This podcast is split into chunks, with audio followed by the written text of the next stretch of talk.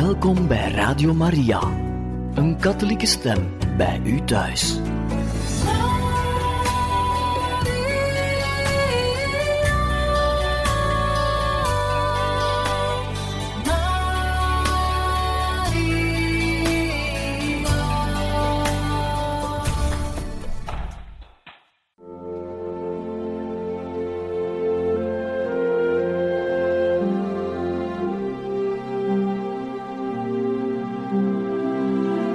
Beste luisteraars van Radio Maria, welkom bij het programma Catechismus. Een overweging bij de geloofschat van de kerk.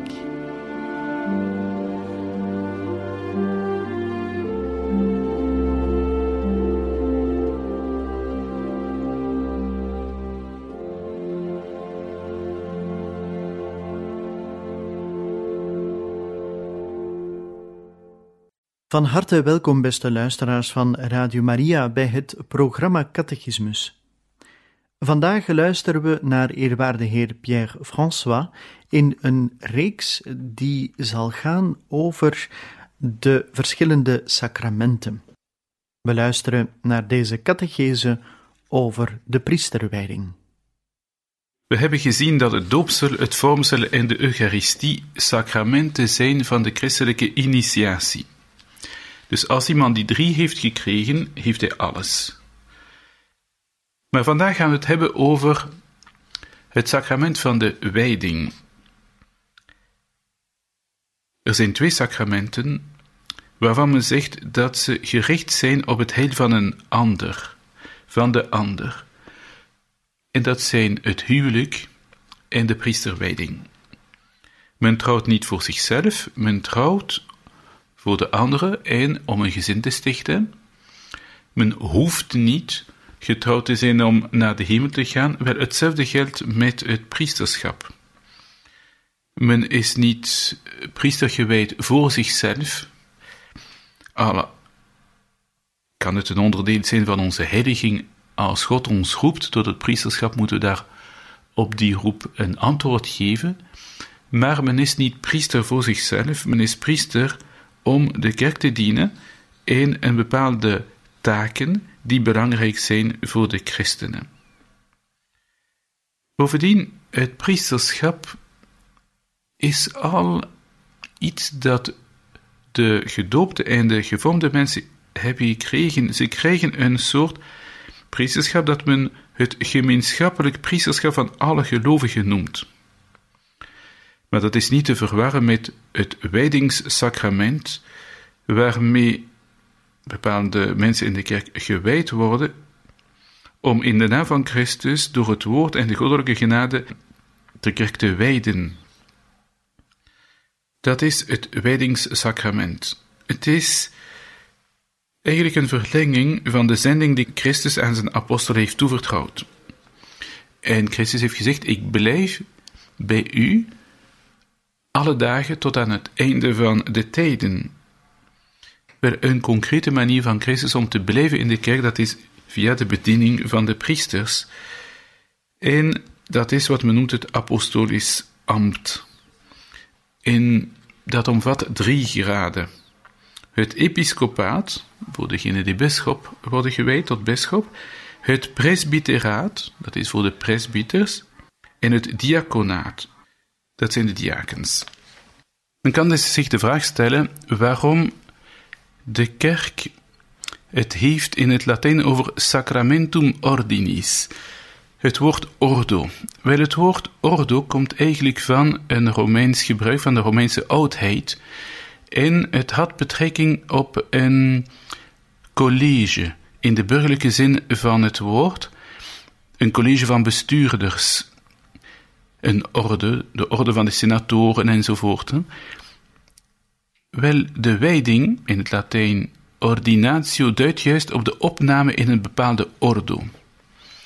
Wel, in de kerk zijn er ook van die standen of ordines, en volgens de overlevering zijn er zelfs enkele die echt uh, een bijbelse grondslag hebben, in de Heilige Schrift dus. En dat heeft sinds altijd de naam ordines een orde gekregen in het Grieks taxeis. En zo is het dat de liturgie het heeft over de Ordo Episcoporum, de Ordo Presbyterorum en de Ordo Diaconorum, dus de orde van de bisschoppen, de stand dus van de bisschoppen, de orde van de priesters of presbyters en de orde van de diakens. Er zijn ook andere groepen die de naam Ordo krijgen, bijvoorbeeld de geloofsleerlingen, Ordo Catechumenorum, de orde van de maagden, van de echtpaarden, weduwen enzovoort.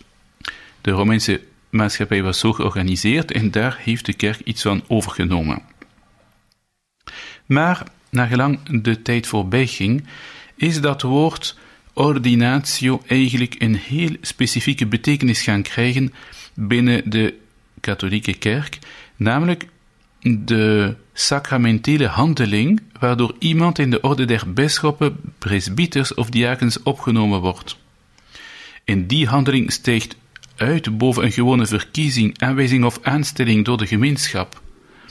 Bepaalde evangelische christenen, maar ook binnen de kerk zijn er stemmen die in de richting gaan vanuit de hoek van wat men noemt de modernisten. Die zien het priesterschap als een verkiezing, een aanwijzing of een aanstelling door de gemeenschap. Het kan wel eens gebeuren dat er een aanstelling is en het is wenselijk in bepaalde situaties over te gaan tot verkiezingen, maar dat is niet het essentiële element. Het essentiële element van een sacrament is eigenlijk een gave van de Heilige Geest. Een gave die de Heilige Geest verleent en die het mogelijk maakt om een bepaalde macht te krijgen, een gewijde macht, sacra potestas. Het heeft niet te maken met politieke macht, de baas mogen spelen. Het heeft meer te maken zoals kardinaal Danes ooit heeft gezegd, met volmacht. Het is de, het vermogen om in de naam van God bepaalde handelingen uit te oefenen, die Christus gegeven heeft aan de kerk, de sacramenten. Men spreekt soms ook van die wijding als consecratio, een wijding. Want in het woord consecratio is er iets dat betekent afzondering. De wijding houdt een bepaalde afzondering in door de bekleding met het ambt door Christus zelf, ten bade van zijn kerk. Hoe gebeurt de wijding? Dat gaan we eh, later een beetje eh, meer in detail uitleggen, maar in wezen door een handoplegging van een bisschop samen met een wijdingsgebed. Dat, dat is het zichtbare teken van deze wijding van het sacrament.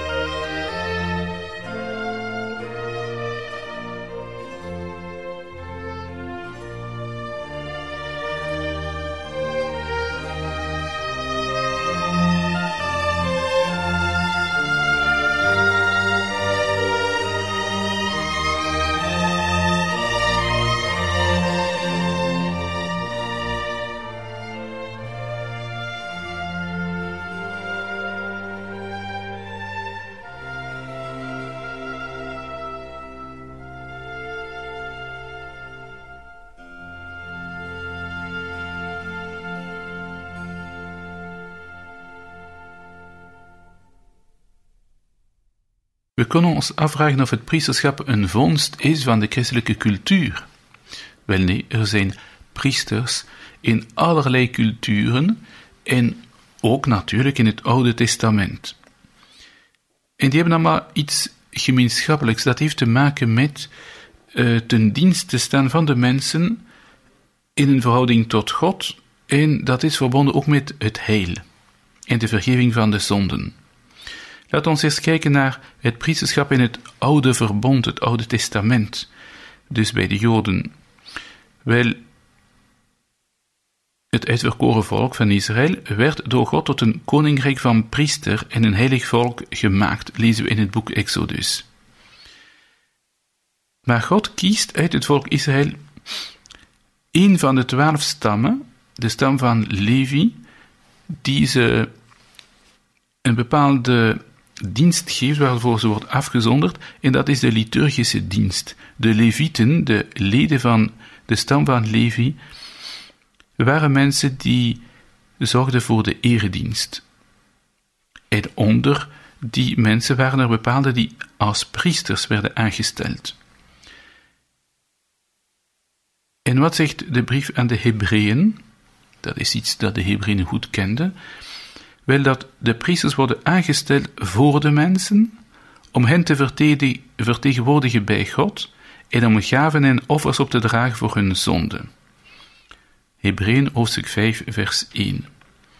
Hier zit eigenlijk vervat de definitie, de bepaling van het priesterschap, en dat geldt voor het Oude Testament, evenals voor het Nieuwe Testament, en zelfs breder nog voor alle cultuur die we ons kunnen inbeelden. Wel, er was een constatatie, en dat onderstreepte de bekeerlingen tot het christendom, zoals de heilige Paulus en de leerlingen van Jezus in een predikatie tot de eerste christenen, ze zeiden dat het priesterschap van het Oude Testament niet bij machten was het heil te bewerken. En een bewijs daarvan dat is dat die offers steeds opnieuw moesten worden herhaald, zonder ooit te leiden tot een definitieve heiliging. Want dat kon alleen door het offer van Christus bewerkt worden. Is dan het priesterschap van Aaron. Aaron was dus een van die eerste priesters uh, tussen de Levieten. En de dienst van de Levieten ook. Was dat waardeloos? Nee, dat was een voorafbeelding van het priesterschap nu. Trouwens, de diakens in de kerken nu worden soms ook in oude liturgische teksten levieten genoemd. En de priesters hebben ook als essentie offers op te dragen in het Oude Testament. Dat waren echt mensen die een voorafbeelding gaven van wat het priesterschap zou worden in de kerk van Christus. Als we een beetje kijken naar de gebeden waarmee bisschoppen of priesters of diakens worden gewijd, zien we heel veel verwijzingen naar het priesterschap van het Oude Testament. Ik lees hier uit de wijding van de bisschoppen. God, Vader van onze Heer Jezus Christus, bidt de bisschop met de uitgestrekte handen boven de wijdelingen nadat hij afzonderlijk bij elke wijdeling de handen heeft opgelegd. Gij leidt uw kerk door de, uw genadevol woord Vanaf het begin heb je alles vastgesteld. Je hebt Abraham tot het geloof geroepen, en over de velen die naar hem geloofd hebben, hebt gij leiders en priesters aangesteld. Nooit liet gij uw heiligdom zonder bediening. En in andere gebieden, bijvoorbeeld die van de wijding van de priesters, wordt dat duidelijk dat die handelingen die de priesters verrichten, eigenlijk voorafbeeldingen zijn van de sacramenten alle vormen van priesterschap eigenlijk, en ook in het Nieuwe Testament, zijn het beeld van het enige echte priesterschap dat er ooit heeft bestaan is op een doeltreffende manier, en dat is het priesterschap van Jezus Christus. Hij is de ene bemiddelaar tussen God en de mensen, zegt Paulus in zijn eerste brief aan Timotheus. En er is wel een interessante figuur in het Oude Testament die, eh, die men niet altijd zo goed begrijpt, dat is Melchizedek. Wie is dat, Melchizedek? Wel, in het boek Genesis komt Abraham een bepaalde man tegen, van wie men zegt hij is priester van God de Allerhoogste. En de christelijke overlevering zegt dat is eigenlijk een voorafbeelding van het priesterschap van Christus, want Melchizedek was groter dan Abraham, gezien Abraham hem de zegen vraagt. En Abraham is de vader van de twaalf stammen van Israël, en dus is het priesterschap van Levi eigenlijk onderworpen, inferieur ten opzichte van Abraham, die op zijn beurt inferieur is ten opzichte van Melchizedek. Dus Melchizedek, misschien was hij daar niet van bewust hoor, eh, toen hij Abraham tegenkwam. Maar hij was eigenlijk, dat hij het wist of niet wist, hij was een voorafbeelding van een, een priesterschap van een hogere soort. En daarom zeggen de profetieën over Christus dat hij priester zal worden op de wijze van Melchizedek. En inderdaad, wij priesters van de katholieke kerk, wij zijn priesters volgens de orde van Melchizedek. Dat is een orde dat boven eh, het priesterschap van Mozes staat, om het zo te zeggen. Welk offer draagt Christus op? Wel, het offer van zijn kruis. Dat is een offer één keer voor altijd. Herinner u de woorden van de, eh, van de consecratie van wijn. Daarin zegt de priester: Dit is de beek van het nieuwe, altijd durende verbond. Dit is mijn bloed dat vergoten wordt tot vergeving van de zonden. Wel, dat gaat eigenlijk over het offer van Christus aan zijn kruis. En dat verlossende offer van Christus is uniek. Hij werd eens voor altijd opgedragen. Wat wel gebeurt, dat is dat in het Eucharistische offer van de kerk dat offer tegenwoordig wordt gesteld. Maar het is niet een ander offer. Het is hetzelfde offer van Christus. Nu zijn er twee wijzen om deel te nemen aan dat enige priesterschap van Christus. Het algemeen priesterschap van de gelovigen. In die zin zijn alle gedoopten een beetje priesters. En de realiteit die ze moeten consacreren is dus een dagelijks leven, de consecratio mundi. Ze moeten hun leven in de wereld aan God wijden. Maar dan zijn er mensen die het ambtelijk priesterschap hebben gekregen, of hiërarchisch priesterschap, omdat het een hiërarchie is. Er is een piramidale structuur van hm, bisschoppen, dan priesters en diakens enzovoort. Dus het ambtelijk of hiërarchisch priesterschap verschilt eigenlijk van het gemeenschappelijk priesterschap van alle gelovigen op een wezenlijke manier. Dat is heel belangrijk. Non gradu tantum niet alleen maar in intensiteit, maar het is echt iets anders. Maar die twee priesterschappen, het algemene priesterschap van de gelovigen en het gewijd priesterschap, of het ambtelijk of hiërarchisch priesterschap van de priesters of diakens of bisschoppen, zijn op elkaar aangewezen, zijn niet twee soorten priesterschappen die in concurrentie komen met elkaar, zo zouden bepaalde klerikale mensen kunnen denken. En dat zie je soms in de manier waarop bepaalde mensen die als leek denken dat ze meer christenen zouden zijn in de mate dat ze meer taken van de pastoor mogen overnemen. Uh, die mensen hebben een foutieve visie van de kerk. Het is niet dat zij een soort promotie krijgen als leek. Ah, ik mag meneer pastoor gaan spelen, dus ben ik een betere christen. Nee, uh, iedereen heeft zijn manier om de kerk te dienen. En priester zijn betekent niet noodzakelijk meer of minder. Alles heeft te maken met heiligheid. Iedereen moet heilig zijn volgens zijn eigen stand. En daarom is er geen concurrentie tussen het algemene priesterschap van de gelovigen en het priesterschap van de priester. Meer nog, ze werken samen, hand in hand. En waar de ene kan komen, kan de andere soms niet komen en omgekeerd. Dan moeten die mensen die priesters helpen in, in hun ambt, begrijpen dat zij niet in concurrentie komen met de priesters, pastorale werkers bijvoorbeeld, maar dat ze organisch samenwerken met die priesters. En het is soms goed dat bepaalde taken van de priesters kunnen overgenomen worden door leken, want een priester hoeft ook niet alles zelf te doen, zeker als er weinig priesters zijn. Alhoewel, ik stel me soms de vraag: zijn er te weinig priesters? Of is het niet zo dat de mensen te weinig gebruik maken van de diensten van de priesters? als de leken nooit naar de mis gaan of weinig, en bijna nooit biechten, waarom hebben veel priesters nodig? Ik stel mij die vraag. Ik denk dat God altijd, dat zeg ik, hè, ten persoonlijke titel, dat is mijn overtuiging, maar ik denk dat veel heiligen dat standpunt hebben gedeeld, dat God altijd de nodige priesters geeft aan de kerk.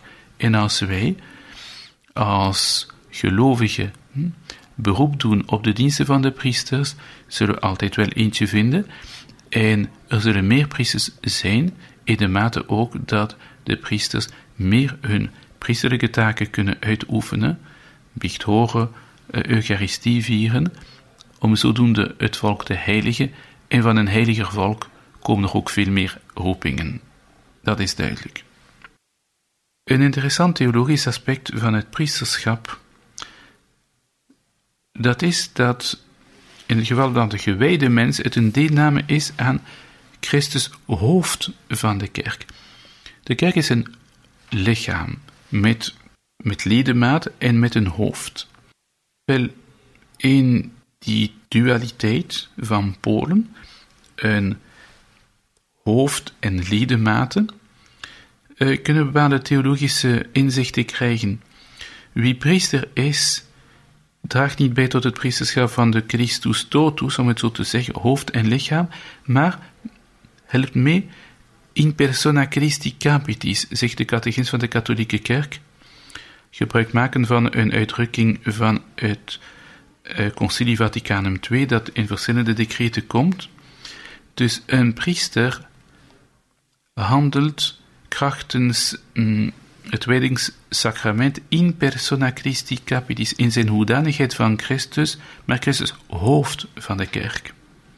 En dat we weten dat er een analogie bestaat tussen de kerk, de relatie Christuskerk en het huwelijk, dan begrijpen we ook dat er een analogie bestaat tussen de mannelijke en de vrouwelijke rol. De kerk als dusdanig is moeder en, de, en dus bruid.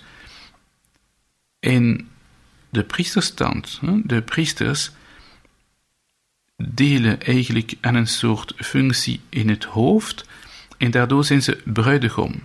Pas op, wij priesters zijn ook gelovigen. En zo zei Augustinus ooit eens met een heel geslaagde uitdrukking: Voor jullie ben ik de bisschop, met jullie ben ik gelovig. Voor jullie ben ik de bruidegom, met jullie ben ik de bruid.